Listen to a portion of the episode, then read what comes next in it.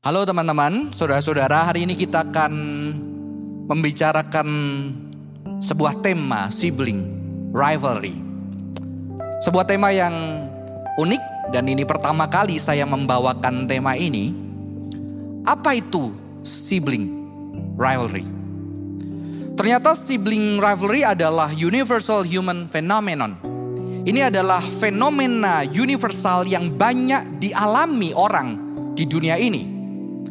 Fenomena kompetisi atau permusuhan antara saudara laki-laki atau perempuan di dalam sebuah keluarga.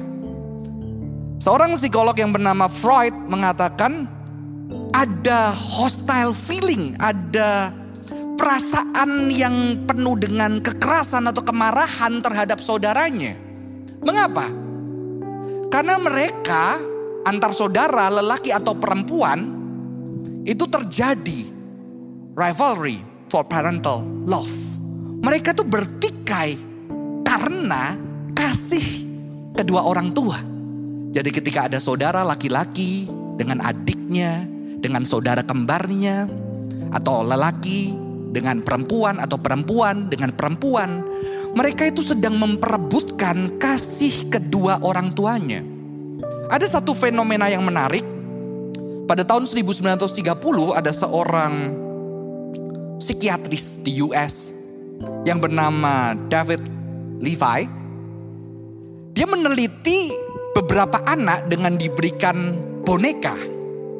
Dan mereka diminta membayangkan boneka ini adalah saudara atau adik mereka. Dan mereka diminta, anak-anak ini diminta mengekspresikan perasaan mereka. Dan uniknya yang terjadi adalah Anak-anak ini bertindak kasar bahkan seolah-olah ingin membunuh boneka ini, memukul, eh, mencekik bahkan. Di sini kita melihat ini ada satu fenomena yang unik di dalam sebuah keluarga. Baik Kristen ataupun tidak Kristen, ada yang namanya sibling rivalry. Biasanya anak pertama saudara-saudara ketika dia lahir Tahu-tahu adiknya muncul. Kita melihat satu film ya, Baby Boss. Anak pertama ketika adiknya muncul, anak pertama itu mulai ketakutan kehilangan kasih sayang dari papa mama yang selama ini dia dapatkan. Maka ketika kasih sayang itu berfokus kepada anak kedua, dia mulai ada perasaan cemas dan di sini mulai ada kecemburuan dan keirian dan ketakutan bahkan tidak mendapatkan kasih dari orang tuanya. Ternyata ketika saya melihat sibling rivalry ini juga ada banyak di Alkitab. Kita lihat di gambar yang ada. Ada antara Kain dan Habel. Antara Ismail dan Ishak. Esau dan Yakub. Bahkan di antara wanita ada Rahel dan Lea. Dan juga ada Yusuf bersama dengan saudara-saudaranya. Di dalam penelitian memang dikatakan bahwa intensitas sibling rivalry ini lebih antara pria dengan pria. Walaupun ada kenyataan pria dan wanita, tapi mayoritas pria dengan pria. Tetapi juga kita melihat juga ada antara di wanita dengan wanita. Karena kita lihat di alam Alkitab ada kisah Rahel dan Lea yang memperebutkan cinta daripada suaminya. Ya, memang suaminya di sini bukan papanya, tetapi suaminya itu juga sosok pria yang harusnya mengasihi mereka berdua dan mereka di sana bertikai memperebutkan kasih daripada suaminya. Sigmund Freud mengatakan, rivalry ini terjadi karena mereka merindukan cinta. Saudara-saudara, teman-teman, ini bukan sesuatu yang sederhana. Karena apa? Karena ada seorang profesor juga mengatakan bahwa sebetulnya akhirnya relasi kita dengan sesama kita. Banyak relasi kita dengan teman atau rekan kerja, yaitu relasi antar manusia, sebetulnya sejatinya adalah bentuk daripada sibling rivalry. Termasuk competitive relationship, competitive relationship. Barangkali juga sebuah bentuk rivalry kita berkompetisi untuk mendapatkan perhatian dan dikenal oleh orang-orang yang bagaikan parental figure. Teman-teman kalau kita lihat di dunia media, di dunia periklanan, di dunia sosial media yang menggunakan Instagram, di situ ada persaingan dan persaingan itu menjadi nyata ketika itu ada masuk di dalam sosial media dan kita dekat dengan artis-artis Instagram yang bisa kita saingi dan kita bisa kalahkan sehingga kita mendapatkan pengakuan-pengakuan dari orang-orang di sekitar kita. Dan di sini sebetulnya David Isaac ini mengatakan, profesor mengatakan bahwa sejatinya ini juga sibling rivalry.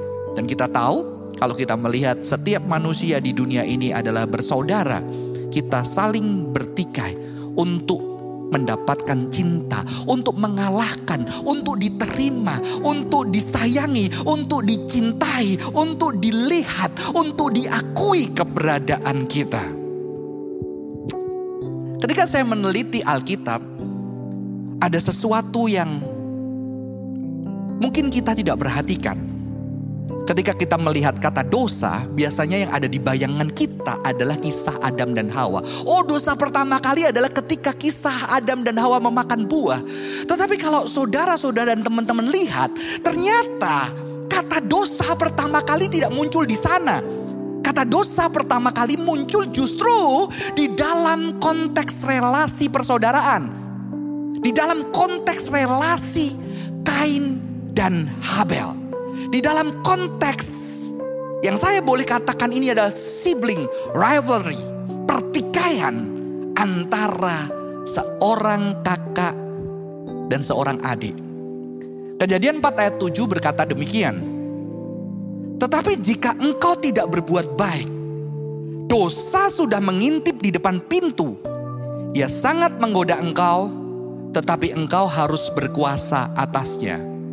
Teks inilah yang membuat saya memikirkan pentingnya kita berbicara tentang sibling rivalry. Karena dosa pertama kali muncul justru di dalam konteks pertikaian dan persaingan antara seorang kakak dan adik di dalam Alkitab. Dan di situ juga di dalam konteks religiusitas. Ketika mereka habis mempersembahkan persembahan kepada Allah. Di situ muncul kecemburuan karena Kain tidak dilihat.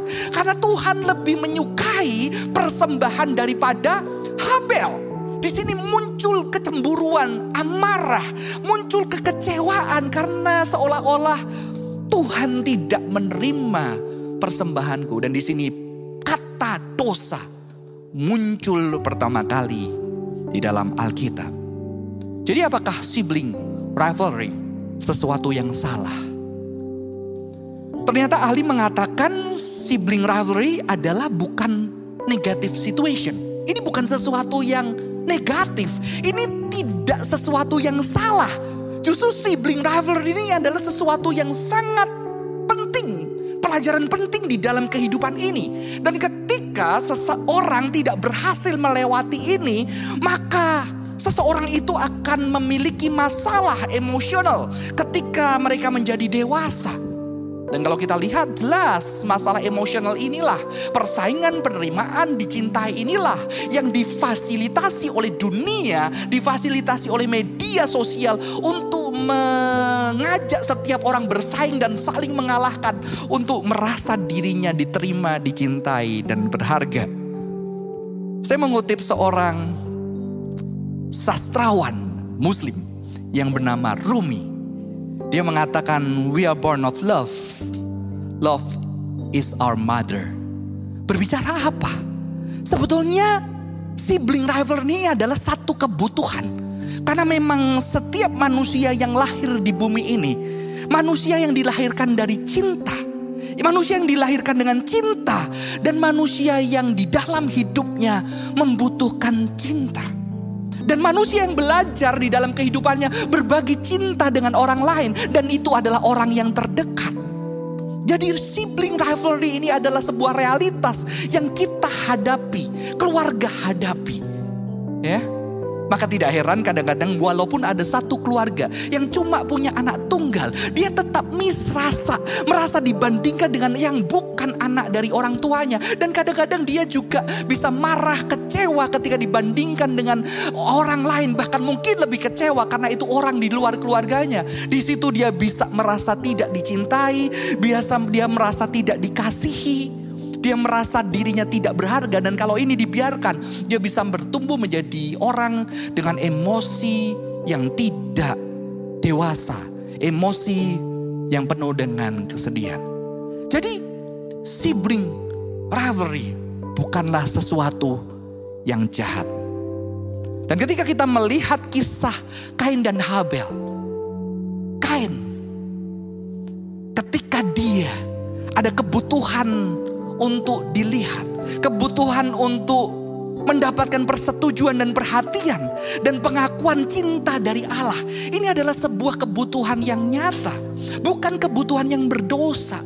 Karena setiap manusia memiliki kebutuhan akan cinta. Dan di sini Allah digambarkan seperti orang tuanya yang mendengar apa yang dilakukan dan melihat apa yang dilakukan anak-anaknya. Sibling rivalry bukan sesuatu yang jahat. Yang jahat adalah ketika apa? Ketika Kain akhirnya karena tidak mendapatkan pengakuan, perhatian dan bahkan mungkin dia merasa tidak dicintai, tidak berharga. Akhirnya dia mengangkat tangannya untuk memukul dan membunuh adiknya sendiri. Yang jahat bukan sibling rivalry. Karena sibling rivalry adalah sebuah kenyataan kebutuhan setiap manusia untuk dicintai, merasa berharga, merasa yang dilakukannya itu berharga. Dan di dalam kisah ini bukan berarti Allah tidak mencintai Kain. Karena apa? Karena Allah juga mencari Kain dan mengingatkan hati-hati dosa bisa berkuasa dan menghancurkan hidupmu. Di situ kita bisa melihat Allah yang juga mengasihi Kain. Sangat ironis saudara-saudara karena arti nama Kain itu artinya memiliki atau mendapatkan. Bahkan Hawa mengatakan, I bought a man from the Lord. Kalau menurut penafsir, ayat ini berbicara apa? Kain ini akan menjadi seorang yang memiliki tanah. Dia akan berkuasa atas tanah, dia akan mendapatkan kekuasaan. Dan ketika berbicara tentang kekuasaan di dalam konteks penulisan Alkitab, itu berbicara bahwa dia bisa dipakai untuk memelihara keluarganya, bahkan memelihara orang-orang saudaranya. Nama Kain adalah nama yang bagus. Tetapi ketika dia ditanya oleh Allah, di manakah adikmu? Dan dia menjawab, am I my brother's keeper? Apakah aku penjaga adikku? Padahal Tuhan mau Kain menjadi berkat. Jadi sibling rivalry bukan sesuatu yang negatif. Karena itu ada sebuah realitas kebutuhan dari seorang manusia akan cinta, akan perhatian, pengakuan dan penghargaan. Dan kita semua memiliki kebutuhan itu. Jadi kalau ada anak-anak kita yang punya dua anak dan mulai ada kecemburuan dari kakaknya ke adiknya atau adiknya ke kakaknya, itu sebuah realita bahwa anak-anak kita, keluarga kita membutuhkan cinta. Karena mereka diciptakan dengan cinta Allah. Dan mereka dianugerahi cinta Allah. Dan mereka diciptakan dengan ruang untuk dicintai oleh Allah dan sesamanya. Apalagi saudaranya sendiri saudara-saudara. Bagaimana Tuhan berhadapan dengan sibling rivalry yang ada di Alkitab. Kita tahu Tuhan juga peduli terhadap Kain. Maka Tuhan mengingatkan, Kain jangan hati-hati. Kau bisa dosa itu mengintip. Karena Tuhan juga mau yang terbaik untuk Kain. Sekalipun Kain mungkin merasa tidak dicintai. Sudah-sudah banyak orang merasa tidak dicintai di dalam Alkitab. Kita tahu kisah tadi, saya hanya membahas tiga secara cepat. Ada satu pribadi anak, seorang kakak yang juga merasa tidak dicintai, yang bernama Ismail. Yang dia harus diusir oleh ayahnya dan ibunya karena Abraham dan Sarah adalah ayah dan ibu yang sah. Dan dia harus diusir pergi dengan mamanya dengan hanya membawa air dan roti di padang belantara yang gersang. Bagaimana Tuhan berhadapan dengan sibling rivalry. Dan saudara tahu akhirnya Ismail itu menjadi orang yang hebat, kuat dan berkuasa karena janji Tuhan. Saya ketika membaca Alkitab melihat kisah, ketika akhirnya Hagar itu ibunya yang tidak tidak siap melihat anaknya mati, dia taruh anaknya dan dia berseru kepada Allah. Ternyata setelah dia berseru di kepada Allah, Alkitab mengatakan Allah mendengar suara anak itu. Allah mendengar suara anak itu. Ketika ibunya berseru, yang Allah dengarkan adalah suara anak yang tidak mendapatkan cinta, yang harus dibuang dari rumah ayah ibunya. Dan sudah tahu arti kata Ismail. Allah mendengar. Dan akhirnya dia tinggal di El Roy, tempat Hagar berjumpa dengan Allah. Dan arti nama El Roy adalah Allah melihat. Allah menghadapi sibling rivalry ini dengan God's loving care. Dengan kepedulian kasih Allah kepada anak-anak yang membutuhkan cinta lebih besar yang membutuhkan kasih lebih besar. Di sini Allah mendengar. Saya percaya juga Allah mengasihi Ishak, saudara-saudara. Dan ada sesuatu yang unik ketika saya membaca di dalam tradisi Yahudi kuno. Ternyata Abraham tidak tertuliskan di Alkitab memberkati Ishak karena dia tidak ingin merasakan Ismail merasakan kebencian kepada Ishak. Jadi Abraham sampai mati tidak memberkati Ishak. Karena Abraham tidak mau hati Ismail semakin pahit. Dan bukan satu kebetulan, saudara-saudara, seorang rabi Yahudi, bukan Kristen, ya, menuliskan ternyata ketika Ismail pergi dari rumah, Abraham masih beberapa kali mengunjungi Ismail. Sehingga di situ dikatakan Ismail akhirnya tahu bahwa ayahnya masih mengasihi dia. Saudara-saudara kita lihat kepedulian kasih Allah kepada Ismail yang membutuhkan cinta. Ismail bisa jadi orang yang marah, kecewa dan akhirnya dengan kekuatannya dia membantai keluarga, bahkan dia membunuh adiknya. Tapi kalau kita lihat nanti selanjutnya, Ismail ternyata justru menjadi brother's keeper. Kalau Ken mengatakan, am I my brother keeper? Tapi Ismail menjadi brother's keeper dia nanti menjadi penjaga daripada Ishak. Nanti saya akan jelaskan ini saudara-saudara. Siapa lagi? Esau dan Yakub. Di mana sang kakak yang kecewa, yang ditipu oleh adiknya bertahun-tahun. Dan dia sudah berjanji akan mengakhiri hidup adiknya ketika bertemu sehingga adiknya sampai lari meninggalkan keluarga, meninggalkan orang-orang yang dicintai. Tetapi Tuhan juga peduli terhadap Esau. Esau diberkati juga dengan luar biasa. Sekalipun dia harus bekerja keras. Sehingga suatu hari ketika akhirnya Yakub pulang dengan ketakutan berhadapan dengan kakaknya. Akhirnya ternyata ketakutan Yakub itu tidak terjadi.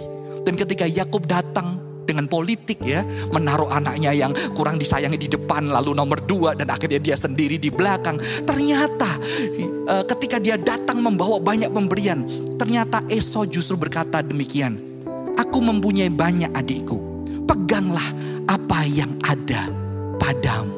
Ternyata ada God's personal love, yaitu Tuhan yang mengasihi juga Esau dengan cara Esau Allah memperhatikan orang-orang yang merasa tidak dicintai. Dan kita juga melihat kekuatan Esau ini. Yang akhirnya dia menjadi brother's keeper. Dia menjadi penjaga saudaranya. Yang terakhir saudara-saudara.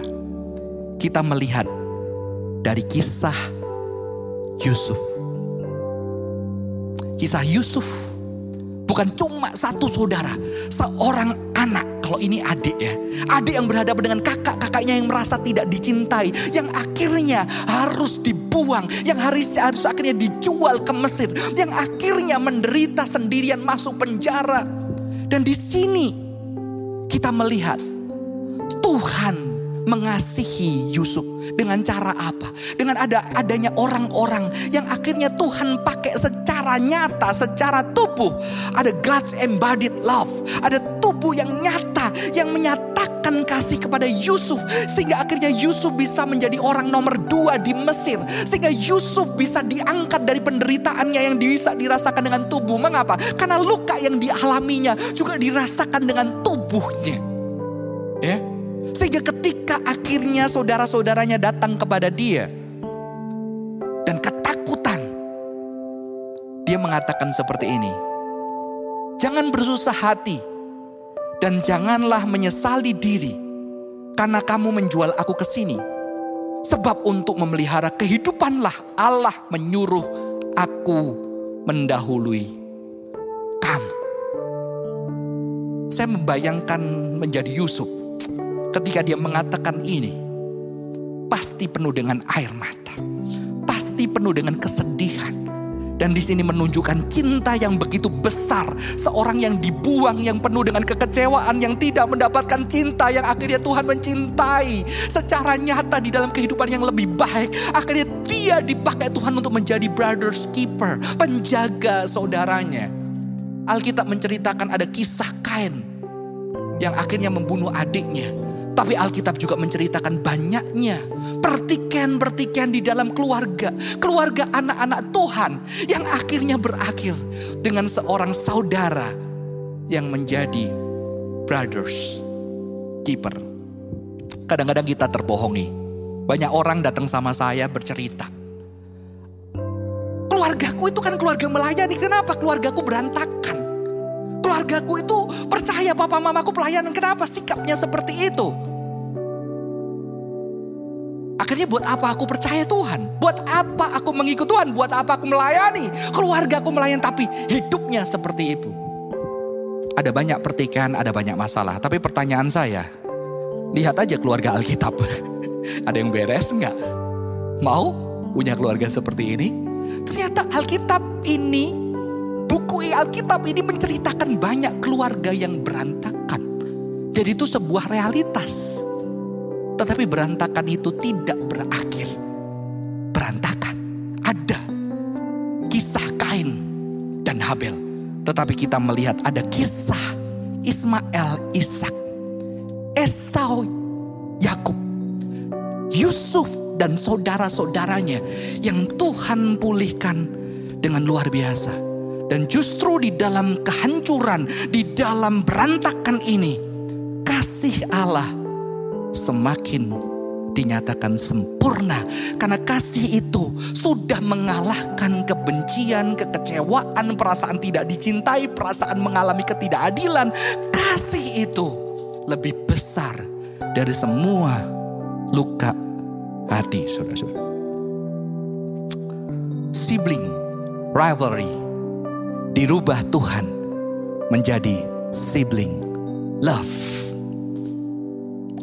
Ketika saya membaca Alkitab, yang banyak orang tidak melihat, ternyata Ishak dan Ismail menguburkan Abraham bersama-sama.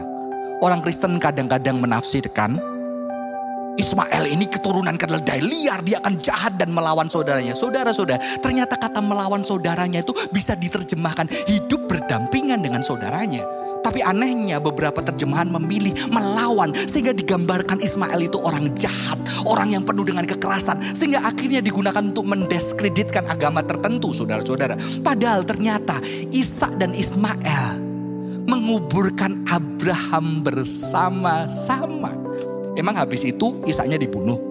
Saya malah percaya. Setelah itu Alkitab menjelaskan Ishak itu tinggal di Baal Roy. El Roy itu tempat Ismail. Justru akhirnya Ismail yang hidup penuh dengan penderitaan ini. Yang mengalami ketidakadilan, mengalami perasaan tidak dicintai. Tapi akhirnya Tuhan menunjukkan cintanya. Dan bukan hanya itu. Saya percaya Ismail ini dipakai Tuhan untuk menjaga dan merawat Ishak. Teman-teman kalau Lita lihat ah, teks-teks yang kita baca tadi, yang satu anak rumahan, yang satu anak lapangan begitu ya. Ada Kain, ada Habel, ada Esau, ada Yakub, ada Ismail, ada Ishak. Ya kalau Yusuf sama saudara-saudaranya eh, kayaknya kisahnya berbeda. Tetapi ada saudara-saudara yang dipakai untuk memelihara adiknya. Sibling rivalry menjadi sibling love. Dan saya juga melihat di kejadian 3, 3 ayat 4. Ketika Yakub takut Esau akan membunuh dia. Ketika kita membaca di Alkitab kita, tetapi Esau berlari mendapatkan dia. Di dekatnya dia, di peluknya lehernya dan diciumnya dia. Lalu bertangis-tangisanlah mereka. Ini kalau dibikin drama Korea banyak yang nangis saudara-saudara. Ya, bertangis-tangisan memeluk kakak adik. Kakak yang benci dan sempat ingin adiknya mati dan adik yang masih ketakutan, kakak ini lari dan memeluk adiknya dan menyium dengan penuh dengan cinta. Di sini sibling rivalry menjadi sibling love. Dan yang terakhir, Yusuf mencium semua saudaranya itu dengan mesra. Dan ia menangis sambil memeluk mereka. Justru melalui kisah-kisah ini, kita melihat sibling rivalry yang diubahkan Tuhan menjadi sibling love. Cinta yang begitu besar, cinta yang melewati dan mengalahkan kebencian sesama saudaranya. Saudara ini khotbah yang sangat personal kepada saya. Karena saya juga punya satu adik dan saya anak pertama. Saya akan akhiri khotbah ini dengan kesaksian saya pribadi. Saya anak pertama dan saya ingat ketika saya kecil, Ternyata orang tua saya, mama saya menghamil dan akhirnya memiliki adik saya. Dan ketika itu aneh sekali waktu kecil saya sudah merasa kesepian. Karena akhirnya perhatian itu lari ke adik saya. Karena saya harus bersikap seperti dewasa, jarak kami tidak jauh. Sibling rivalry biasanya dengan jarak usia yang cukup dekat. Ketika saya melihat semua perhatian jauh kepada orang tua, di situ saya merasa tidak dicintai. Bahkan waktu SD saya sempat berpikir kalau saya mati. Karena saya lihat di film-film, kalau mati itu rohnya pergi dan rohnya bisa lihat orang-orang yang itu. Waktu SD saya lihat di film dan saya membayangkan saya pegang pisau, saya pengen sayat itu tangan saya. Karena ketika saya sayat dan saya mati, saya pengen lihat apakah papa mama saya menangis buat saya. Ya. Saya percaya kedua orang tua saya mengasihi saya. Tapi di dalam perjalanan sebelum saya jadi orang tua, itu tidak mudah. Dan kesadaran itu muncul ketika saya mulai orang tua. Karena kadang-kadang dengan keterbatasan pendidikan yang tidak mengerti perkembangan anak. Kadang-kadang mereka membandingkan kami. Saya dibandingkan dengan adik saya. Adik saya dibandingkan dengan saya. Sehingga saya percaya adik saya pun mengalami perasaan tidak dicintai. Saya pun mengalami perasaan tidak dicintai. Walaupun kami secara otak mencoba percaya orang tua pasti mencintai. Tapi kebutuhan cinta di dalam hati itu penting. Kami merasa tidak dicintai. Baru ketika saya menjadi seorang ayah, baru ketika saya mengenal Tuhan lebih dalam lagi, saya merasakan cinta itu, saudara. Dan kami sering berkelahi ya, main basket bareng satu tim, kadang tonjok-tonjokan di lapangan, sikut-sikutan di lapangan, pulang dengan marah-marahan, diam-diaman. Saya ingat sekali Pernah satu kali di gereja kami berkalahi. Dan saya tarik di gereja, saya tarik bajunya sampai sobek sehingga dia pulang nangis. Dan kadang-kadang juga ketika dia lari, saya ingat sekali adik saya ketika dia lari suatu hari. Saya lari, saya kejar-kejaran, kita ketawa, tahu-tahu dia terpleset. Dan kepalanya membentur sudut kursi dan bocor harus dijahit. Di situ saya dimarah orang tua, katanya saya menjatuhkan yang menyebabkan itu terjadi. Banyak luka, sudah-sudah. Saya juga ingat kami juga dipukuli berdua, diikat di ranjang berdua. Jadi khotbah ini sangat personal buat saya, saudara-saudara. Tapi yang mengingat saya adalah ketika kami akhirnya berjumpa dengan Tuhan. Kami Kristen sejak lahir, ya, tapi tidak semua orang Kristen berjumpa dengan Tuhan. Saya ingat sekali, kami punya struggle merasakan dicintai. Dan saya ingat sekali ketika dia kuliah, saya sudah menjadi sekolah teologi, saya sudah praktek dan saya sudah melayani di Surabaya waktu itu. Dan saya ditelepon temannya dan ternyata saya dikasih info adik saya mencoba mengakhiri hidupnya. Karena perasaan yang tidak dicintai itu besar. Dia mencoba mengakhiri dengan meminum hal tertentu saudara. Dan ketika saya dikasih tahu hati saya hancur, hati orang tua hancur. Dan saya ingat selama tiga hari saya di rumah sakit menemani dia. Saya izin dari pelayanan, saya menemani dia. Dan saya sangat ketakutan kehilangan adik yang saya cintai. Sehingga ketika pulang saya pun takut dia mengulangi itu walaupun dia mengatakan tidak. Dan ketika pulang saya tidur di kosnya, saya belikan makanan. Dan ketika malam saya temani dia tidur di kos-kosan. Dan saya ingat satu waktu siang, saya peluk adik saya. Dan saya berkata, sorry, aku gak bisa jadi koko yang baik buat kamu. Aku mau jadi kakak yang baik buat kamu. Saya peluk dia, kami menangis bersama-sama dan saya merasakan keindahan kasih Tuhan yang luar biasa. Dan kami juga akhirnya beberapa tahun lalu harus menguburkan orang tua kami. Saya ingat ketika di samping peti kita bercerita tentang papa kita. Kita sering dipukuli bareng teman-teman ya, menderita bareng tapi kita juga tahu papa kita sayang. Dan sesuatu yang indah dia cerita sama saya, eh kemarin dulu aku wong sama papa itu dilempar sama saudara kalau tahu zamannya parabola ya. Itu receiver parabola itu dilempar ke kepala dia. Dan dia waktu cerita itu ada ada getaran di matanya. Tapi saya juga melihat cinta yang besar karena dia sebelum papa kami meninggal dia sangat mencintai. Walaupun dia tidak banyak bicara, dia sangat mencintai dengan perbuatannya. Kami bergulat dengan dicintai. Saya juga beberapa kali sempat mencoba mengakhiri hidup saya. Kami bergulat dengan cinta, tetapi akhirnya sibling rivalry ini bisa dirubah menjadi sibling love. Adik saya sangat pendiam. Tapi saya percaya, saya tahu dia mengasihi saya. Saudara-saudara dulu kami tidak punya banyak uang, kami pemain basket tapi tidak bisa beli sepatu bagus. Dan sekarang saya sudah nggak main basket, tetapi saya selalu setiap tahun adik saya memberikan sepatu basket yang dulu kami masa kecil tidak bisa beli setiap tahun. Saya dibelikan.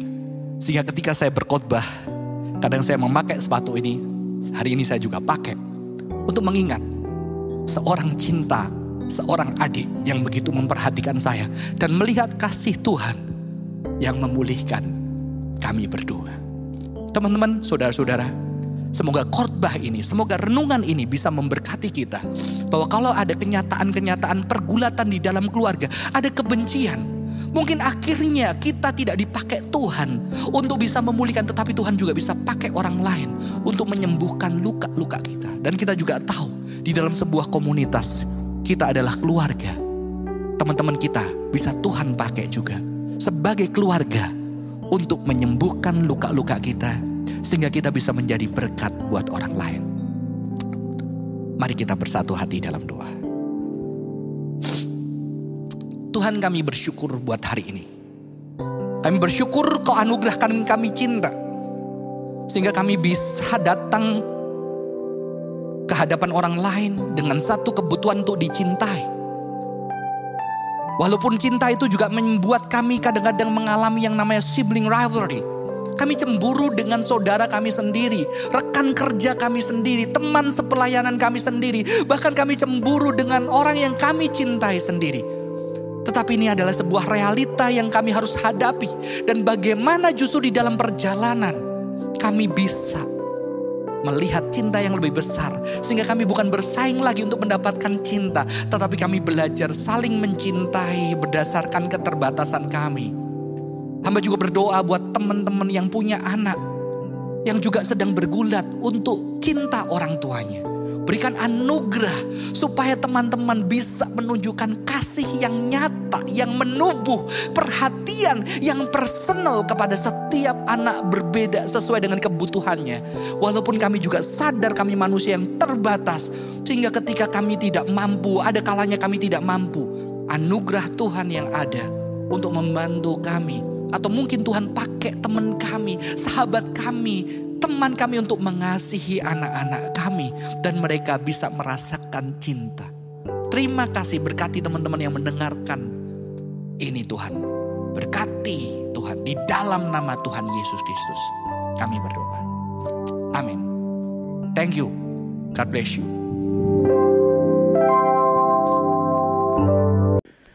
Shalom jemaat yang dikasih Tuhan, mari kita bersatu hati di dalam doa sebelum kita mendengarkan kebenaran tuh, firman Tuhan. Tuhan bersyukur buat hari ini di mana pun setiap kami berada. Kami akan mendengarkan kebenaran firman-Mu kiranya Tuhan boleh berbicara kepada setiap kami melalui hamba yang penuh dengan keterbatasan. Dan biarlah Tuhan mengurapi dan boleh jemaat-Mu diingatkan, dikuatkan, ditegur, bahkan diteguhkan Tuhan iman setiap kami untuk hidup terus di dalam kebenaran firman-Mu. Terima kasih Tuhan di dalam nama Tuhan Yesus Kristus kami berdoa. Amin. Jemaat yang dikasih Tuhan di mana pun kita berada, hari ini kita akan berbicara sebuah tema yang berjudul Merdeka di dalam Kristus. Merdeka dalam Kristus. Kebetulan di bulan Agustus ya kita merayakan seluruh rakyat Indonesia merayakan kemerdekaan tapi hari ini kita mencoba melihat di dalam bagian firman Tuhan Galatia 5 ayat 13 sampai yang ke-15. Galatia 5 ayat 13 sampai yang ke-15. Saya akan bacakan bagi setiap kita. Galatia 5 ayat 13 sampai yang ke-15. Saudara-saudara, memang kamu telah dipanggil untuk merdeka, tetapi janganlah kamu mempergunakan kemerdekaan itu sebagai kesempatan untuk kehidupan dalam dosa.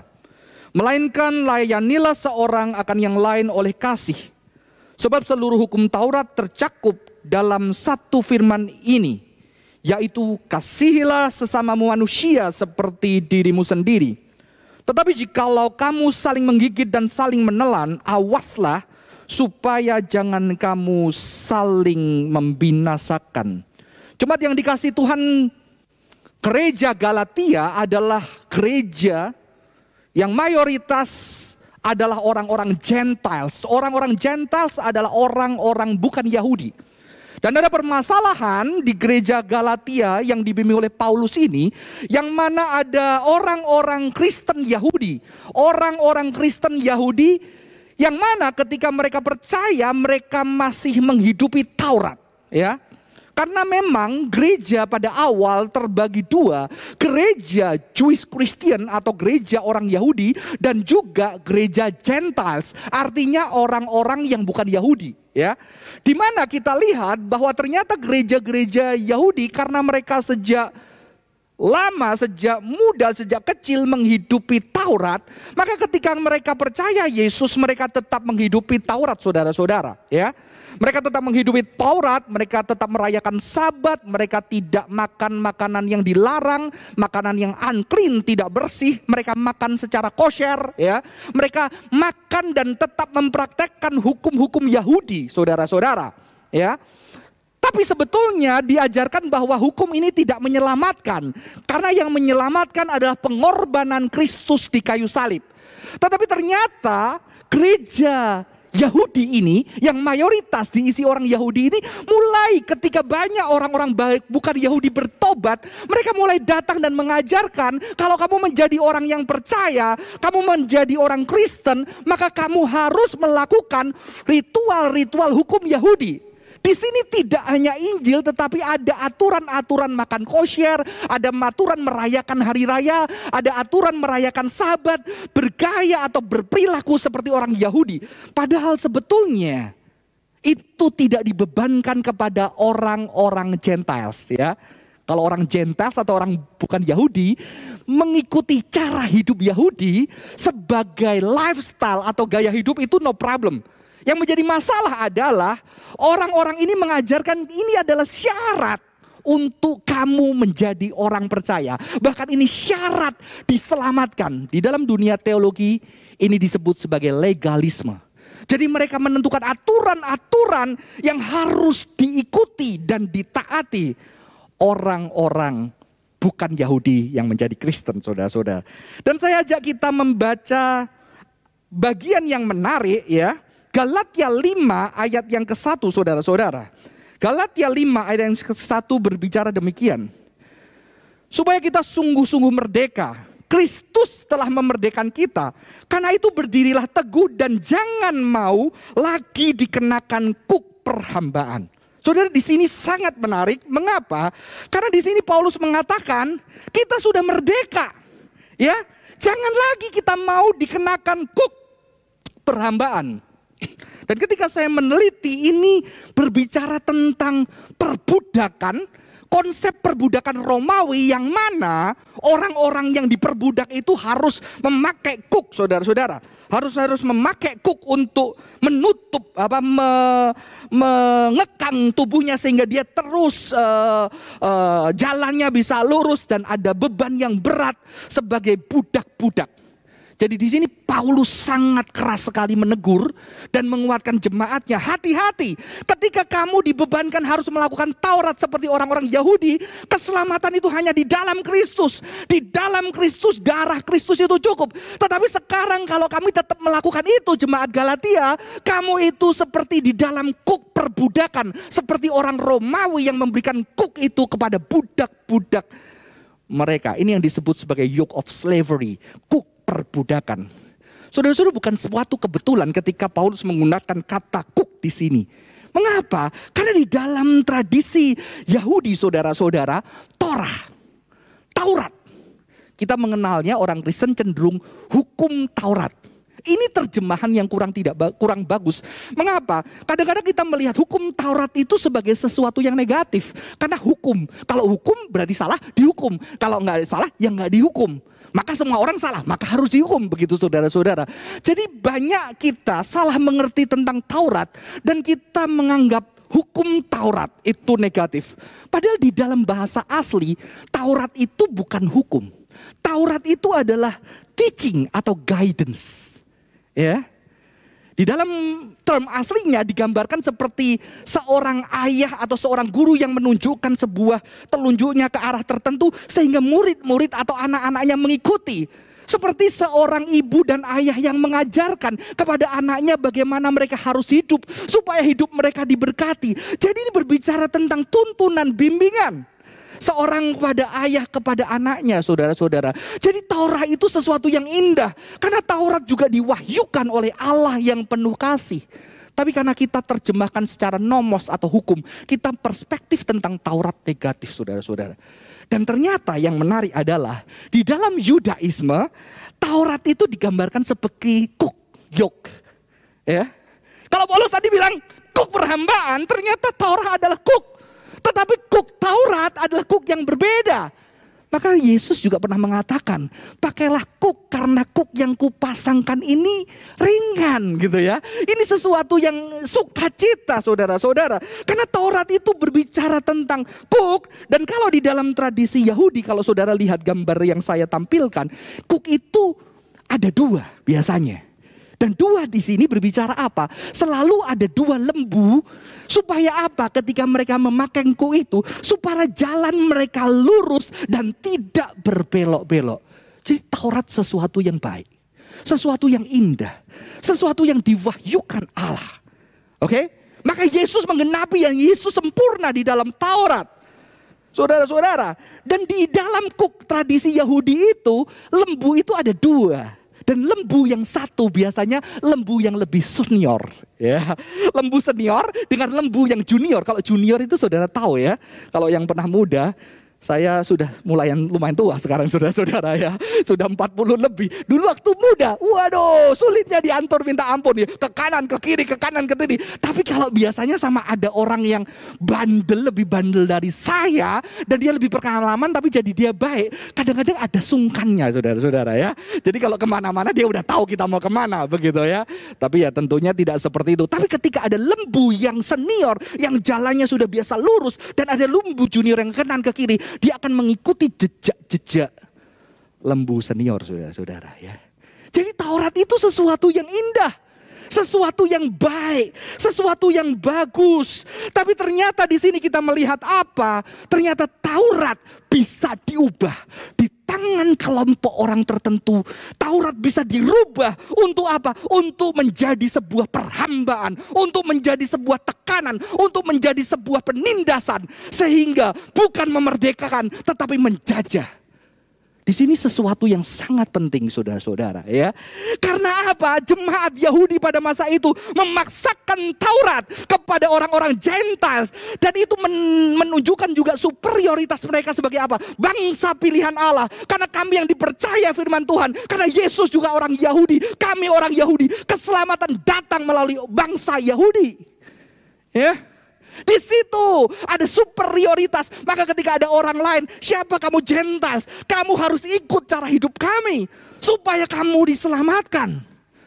Saudara-saudara, di sini yang bisa kita pelajari dari Alkitab ini, berhati-hatilah karena sesuatu yang indah yang Tuhan anugerahkan bisa menjadi alat untuk justru memperbudak, menjajah, menekan.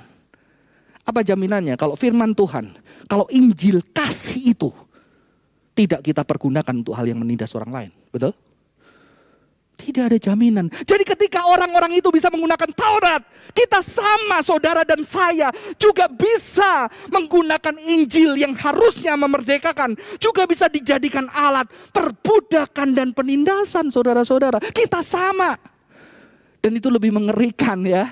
Injil kasih Kristus yang memerdekakan menjadi alat untuk memperbudak orang-orang, untuk menindas orang-orang. Dan sebetulnya di balik ini apa yang kita harus berhati-hati? Hasrat berkuasa. Hasrat superior. Hasrat golongan tertentu. Mengapa saudara-saudara? Karena kita punya. Setiap kita, saudara dan saya punya hasrat berkuasa seorang filosof uh, ateis gitu ya, mengatakan will to power. Kita itu gila kekuasaan, setiap orang itu pengen lebih dari orang yang lain. Makanya hari-hari ini saudara-saudara perlu ada yang namanya uh, insta apa ya itu artisnya Instagram apa ya namanya ya saudara-saudara ya.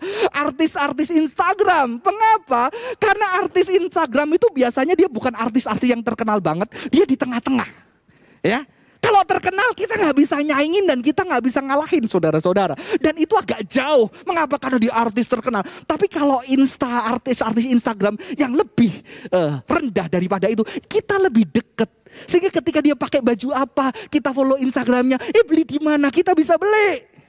Di situlah yang membuat apa? Sebetulnya yang di, dihidupi apa? Adalah hasrat-hasrat yang gak mau kalah. Gue juga bisa, gue juga bisa pakai yang sama. Gue bisa pakai yang beli yang sama seperti itu. Itulah yang dihidupi banyak melalui media-media sosial, Instagram ya.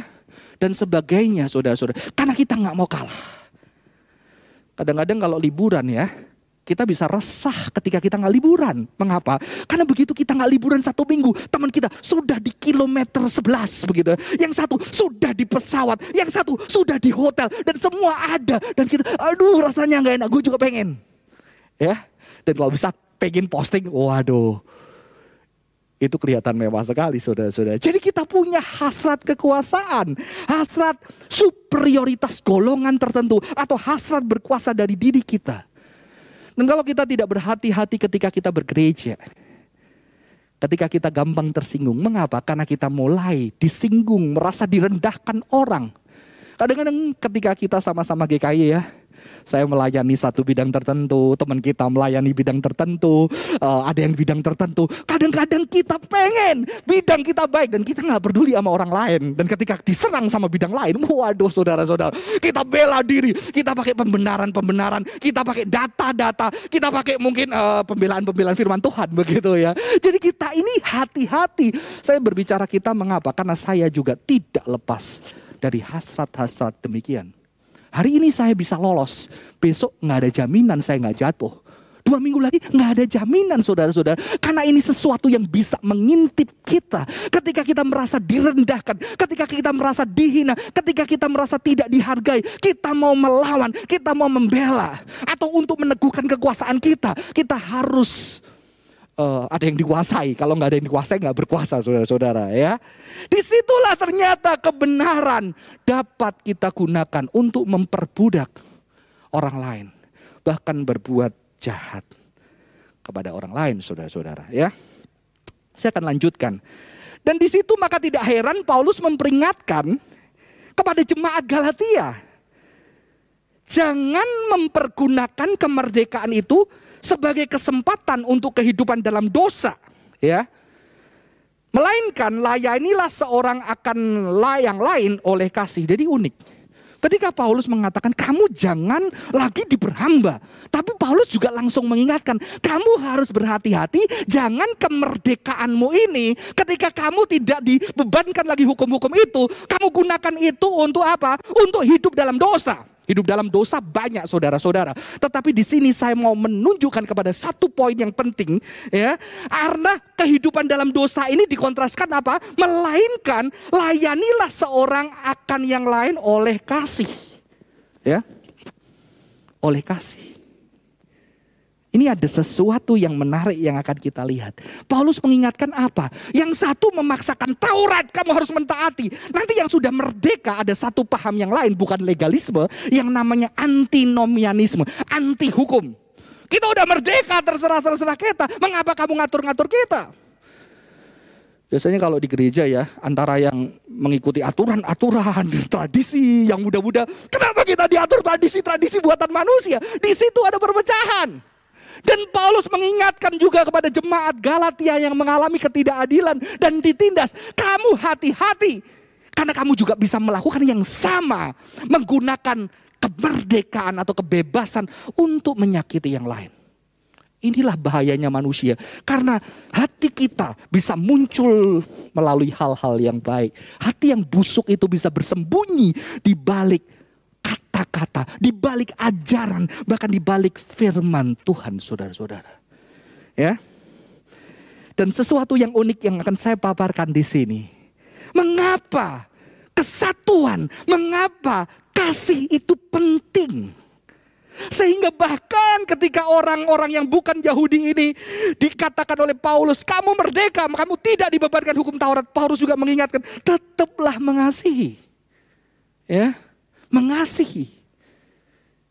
Karena kamu adalah saudara.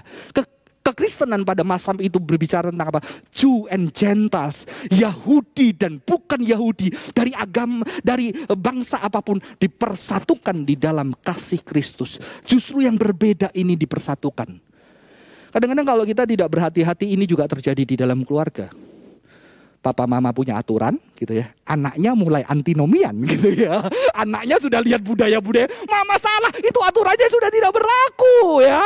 Langsung biasanya debat, kamu tahu apa anak kecil? Siapa yang kasih kamu duit? Siapa yang kasih kamu makan? Anaknya benci, mama papa tidak memahami aku. Wah, di situlah mulai perpecahan keluarga, betul ya. Kita pakai kebenaran, anak kita juga pakai kebenaran versi dia. Ya, kita tidak saling mendengar bahwa ternyata sebetulnya kita adalah ego kita, ego orang tua atau ego anak yang bermain, betul nggak? Kita juga bermain di situ. Ini juga bisa terjadi di dalam keluarga. Gereja adalah keluarga, rumah kita adalah keluarga. Ya, maka perlu saling mendengar dan perlu koreksi diri. Hati-hati kita juga bisa jahat gitu ya. Kita jadi orang tua yang jahat. Karena kita biasa mungkin diperbudak gitu saudara-saudara ya. Akhirnya ketika kita punya anak, kita memperbudak anak kita. Karena kita biasa ini gitu orang tua. Kamu karena kecil tahu apa, ketika punya anak kamu tahu anak kecil tahu apa. Begitu ya. Saudara-saudara ini sesuatu yang real. Saya mengingat, uh, saya punya anak pertama dan anak kedua.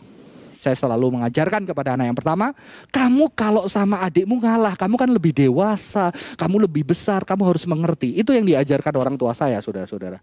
Tapi suatu hari anak saya bertanya, untung tanyanya nggak emosi. Kalau emosi saya juga emosi, saudara-saudara ya. Untung dia tanya, Pak kenapa sih Pak ya? Yang selalu ngalah itu yang gede. Kenapa yang kecil nggak ngalah? Harusnya kan belajar ngalah Pak. Di situ saya baru sadar ya ternyata selama ini saya cara pikirnya salah ya. Harusnya kan dua-duanya belajar ngalah begitu ya. Sejak itu saya merubah kebijakan keluarga saya. Yang mungkin itu kutukan dari kakek, dari kakek, dari kakek, saudara-saudara. Yang menggedekan. Hari itu saya bilang, kemarin yang ngalah siapa? Sekarang yang ngalah kamu. Gantian kita, gantian mengalah saudara-saudara. Ketika kita saling berbicara. Uh, karena kalau kita tidak berbicara, kita bisa hati-hati menggunakan yang tadi saudara. Saya akan melanjutkan kita melihat di dalam Alkitab sangat unik. Ternyata kata dosa. Kata dosa muncul pertama kali bukan ketika Adam dan Hawa makan buah. Bukan berarti mereka tidak berdosa ya. Karena kata dosa muncul pertama kali di Alkitab adalah ketika saudara bertikai. Yaitu ketika Kain sedang marah hatinya. Mengapa? Karena harusnya aku yang paling gede. Kenapa persembahan adikku diterima dan aku tidak? Ini berbicara tentang keluarga, gereja keluarga, keluarga kita keluarga. Bukankah itu yang sering terjadi? Kenapa dia perhatiin? Gua enggak. Harusnya kan mikirin, oh mungkin gua perlu yang memperhatikan ya, nggak perlu diperhatikan lagi. Karena gua udah dianggap dewasa, begitu saudara-saudara ya. Pertikaian inilah ego yang merasa diri harusnya superior, mendapatkan sesuatu yang lebih. Ini ada secara nyata dan dosa muncul pertama kali kata itu di ayat ini. Tetapi jika engkau tidak berbuat baik, dosa sudah mengintip di depan pintu. Ia sangat menggoda engkau tetapi engkau harus berkuasa atasnya. Setelah ayat ini justru Kain membunuh Habel. Maka sebetulnya tidak heran ya. Paulus mengutip sebagai orang Yahudi hukum yang terutama adalah kasih kepada sesama manusia. Karena sejatinya sesama manusia adalah saudara. Apalagi orang-orang yang sama percaya kepada Kristus, saudara-saudara. Ada tulisan dari Rabi Hillel, ya. Ini sebelum Yesus mengatakan seperti ini. Apa yang kamu benci, jangan lakukan bagi sesamamu. Inilah isi seluruh Taurat. Yang lainnya adalah tafsiran. Ya, ini kata yang dikatakan Paulus sejalan dengan rabi ini. Jadi satu persaudaraan, kekeluargaan itu penting. Dan dosa pertama kali masuk ada seorang kakak yang ego, yang nggak mau kalah. Harusnya dia tetapi kenapa adiknya? Dan kakak itu akhirnya membunuh adiknya sendiri. Dan bayangkan ketika di gereja, di rumah kita, kita saling menyakiti seorang dengan yang lain celakanya ketika kita menggunakan kebenaran in the name of truth, in the name of God, ya, in the name of law, in the name of love, saudara-saudara, ya, karena itulah yang mengerikan. Jadi apa artinya merdeka di dalam Kristus? Pertama-tama kita harus berhati-hati karena kita bisa menggunakan pesan yang harusnya memerdekakan orang di dalam Kristus, kita bisa menggunakan pesan itu untuk justru memperbudak, untuk menindas, untuk menyakiti, bahkan untuk membunuh orang lain, membunuh karakternya, membunuh kehidupannya. Ya, membuat mereka kecewa. Apa artinya merdeka di dalam Kristus? Tadi dikatakan bahwa hendaklah janganlah gunakan kemerdekaanmu untuk berbuat dosa. Dosa menyakiti saudara-saudaramu. Karena dosa yang pertama adalah menyakiti. Hukum yang terutama adalah kasihlah Tuhan Allahmu, kasihlah sesamamu seperti dirimu sendiri. Biasanya kita memisahkan ya Ketika mengasihi Tuhan itu ini, mengasihi sesama itu ini, mengasihi diri itu ini. Padahal sebetulnya saudara-saudara, ketika kita menyakiti sesama, ketika kita menyakiti hati istri kita, kita sedang menyakiti hati kita. Kita sedang menyakiti hati Tuhan. Karena Tuhan mau keluarga-keluarga anak Tuhan berbahagia. Betul? Jadi satu kata yang digunakan itu mencakup kasih kepada Tuhan, menyangkut kasih kepada diri kita. Itu sesuatu yang tidak terpisahkan dari kebenaran Alkitab. Jadi apa artinya merdeka di dalam Kristus? Adalah kemerdekaan mengasihi. Sebab seluruh hukum Taurat tercakup dalam satu firman ini, yaitu kasihlah sesamamu manusia seperti dirimu sendiri. Merdeka dalam Kristus. Saya mengingat sekali Ketika saya belum mengenal Kristus sekalipun saya orang Kristen sejak lahir. Sejak kecil saya di sekolah minggu. Tapi saya belum betul-betul mengenal Kristus. Dan begitu saya memiliki masalah dengan ayah saya, saya benci dan kepahitan minta ampun. Tapi begitu saya kuliah, saya berjumpa dengan Yesus secara pribadi yang mengubahkan hati saya. Kebencian itu tidak ada lagi saudara-saudara. Tetapi ada kasih. Saya mulai bisa mengasihi orang tua saya. Saya bisa datang dan memeluk dan dan menangis ketika memeluk dan meminta maaf untuk segala perbuatan saya menyakiti dia. Ada kekuatan, ada kemerdekaan dan ada kebebasan. Bukan berarti nggak bisa nyakitin lagi saudara-saudara. Tapi ketika menyakiti lagi, ada sesuatu ketidaktenangan. Jadi apa artinya merdeka di dalam Kristus? Merdeka mengasihi. Yang menyedihkan di era-era pandemi ini adalah ketika orang-orang di dalam kesulitan, setiap orang hanya memikirkan dirinya, egonya, menumpuk obat banyak, menumpuk tabung oksigen, menumpuk apa-apa lain untuk memikirkan dirinya. Sehingga banyak sekali orang tidak mendapatkan. Saya terkena COVID di gelombang yang pertama, terakhir sudah-sudah. Dan saya tiga hari mencari ke mana-mana, tidak mendapatkan obat antivirus. Sehingga akhirnya saya meminta ada orang yang mengasih tiga butir, totalnya 52 butir saudara-saudara. Ada yang mengirim 30, 10, puji Tuhan akhirnya lengkap 52. Tapi ketika saya melihat puji Tuhan saya lengkap, bagaimana banyak orang yang tidak punya kenalan. Ketika mereka cari pada masa itu, setiap saya membuka Instagram, ada orang-orang yang meninggal. Banyak orang yang meninggal, saudara-saudara. Ya, Justru mengerikannya adalah ketika ada kesulitan, kasih itu tidak ada.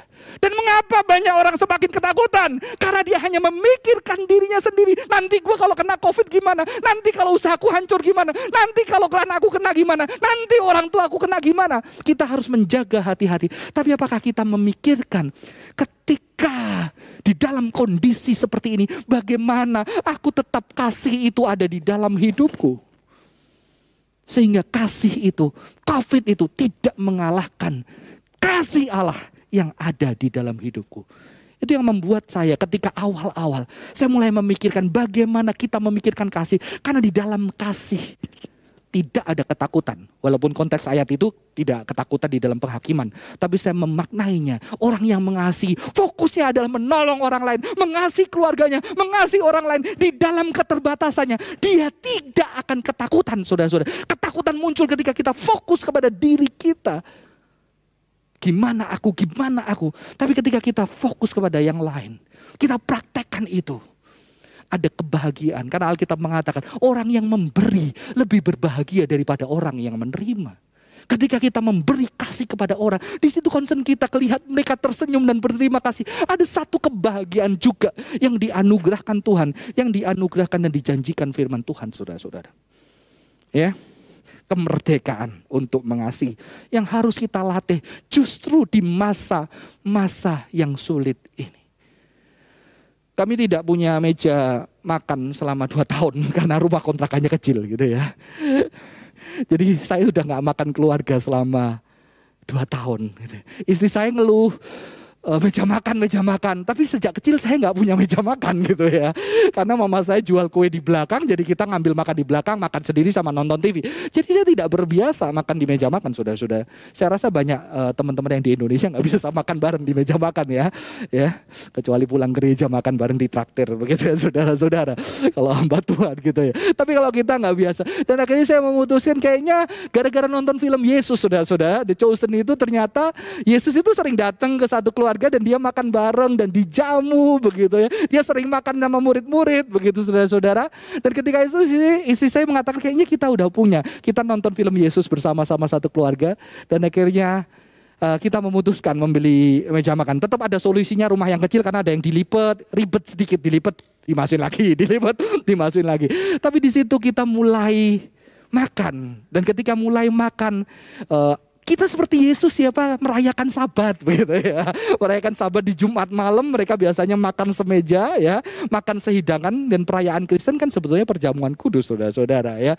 Sesering mungkin gitu ya. Dan kayak gitu datang nanti anak yang gede, "Pak, nanti aku yang masak. Nanti minggu kita makan bareng masak apa?" begitu ya. Terus ada yang minta, eh, "Boleh enggak kita nanti gandengan berdoa bersama-sama?" Dan ketika kita melakukan sangat indah Saudara-saudara, ya, kemerdekaan melakukan kasih yang paling dekat secara sederhana, makan bersama, saling mendoakan di keluarga kita masing-masing. Nanti nanti kita bisa kalau sudah mulai nggak covid, kita undang orang satu datang untuk makan bareng sama kita. Satu datang. Ya. Ini sesuatu yang sangat indah. Karena saya mengingat masa kecil saya Kadang-kadang saya diundang makan pendeta, saudara-saudara ya. Di rumahnya diundang makan padahal makanannya ya tempe, tahu gitu ya. Karena pendeta di daerah saya dari daerah tidak kaya, tapi saya menikmati ketika duduk berdoa bersama dan makan bersama. Dan mungkin kita sudah lupa berbagi kasih di dalam kondisi yang sulit ini. Saudara saya akan akhiri khotbah kita hari ini. Jadi apa yang kita lakukan untuk kita merdeka dalam Kristus berdasarkan pembacaan ayat kita tadi. Melatih self awareness, kesadaran bahwa kita punya hasrat berkuasa. Kita pengen lebih dari yang lain. Kita nggak mau kalah. Kita mau superioritas yang lain. Dan itu mengintip setiap pelayanan kita. Setiap persekutuan kita ketika di gereja. Tidak lepas. Saya sebagai hamba Tuhan. Saudara-saudara majelis dan pelayan. Dan saudara-saudara sebagai jemaat. Kita semua punya ini maka kita harus berhati-hati. Mungkin hari ini kita kuat, besok kita jatuh, bangkit lagi, bisa jatuh lagi. Tapi di sini justru karena kita punya dan ini bahaya, kita harus saling mengingatkan, saling mengingat, mencoba mengkoreksi diri. Dan kita juga harus berhati-hati, kita bisa menggunakan kebenaran untuk menindas orang lain. Jangan gampang-gampang ngomong, yang benar itu kayak gini. Tapi ketika kita ngomong yang benar, tapi di balik kamu menyuarakan yang benar, apa yang kamu pengen? Wah aku pengen didengar. Wah aku pengen dia belajar sesuatu. Mengapa tidak meminta dan kita pakai kebenaran?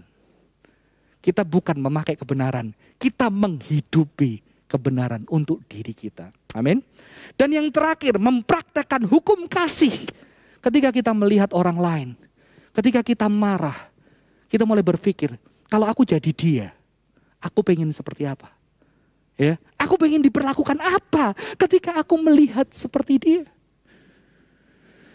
Kita bayangkan ketika kita jadi orang itu, saudara-saudara, seperti apa kita mau diperlakukan? Semoga kita semua berjuang bersama-sama. Merdeka di dalam Kristus. Kristus sudah memerdekakan kita. Memberi kekuatan melalui roh kudusnya untuk kita bisa mengasihi. Tapi ada kalanya kita lengah dan kita bisa jatuh maka itu kita terus bergantung. Terus meminta Tuhan mengingatkan kita. Bahkan meminta saudara seiman kita untuk bisa menolong dan mengingatkan kita. Tuhan Yesus memberkati. Mari kita berdoa. Tuhan terima kasih untuk kebenaran firman-Mu. Kiranya kami boleh menjadi anak-anak-Mu Tuhan. Yang boleh merdeka di dalam Engkau. Merdeka yang tidak menggunakan kemerdekaan kami untuk berbuat semau kami tetapi menggunakan kemerdekaan itu yang artinya kami merdeka mengasihi. Karena melalui pengorbananmu engkau memampukan kami mengasihi orang lain Tuhan. Tolong kami Tuhan, berkati kami. Untuk kami bisa terus belajar mengasihi dan bantu kami untuk sadar dengan hasrat kami yang pengen lebih, pengen mengalahkan orang lain, yang tidak mau kalah, supaya jangan hasrat itu sampai akhirnya menghancurkan relasi di dalam keluarga, di gereja, ataupun di dalam rumah kami. Kalaupun memang sudah sempat terjadi melalui hasrat itu, kami melukai orang lain, biarlah kami boleh bertobat dan berjuang kembali melalui anugerah dan kasih Tuhan. Kami boleh mengasihi secara lebih dan lebih lagi. Tolong kami Tuhan. Tolong setiap jemaatmu di masa-masa yang sulit ini tetap mengasihi. Dan Tuhan memberikan kekuatan. Di dalam nama Tuhan Yesus kami berdoa. Amin. Tuhan Yesus memberkati.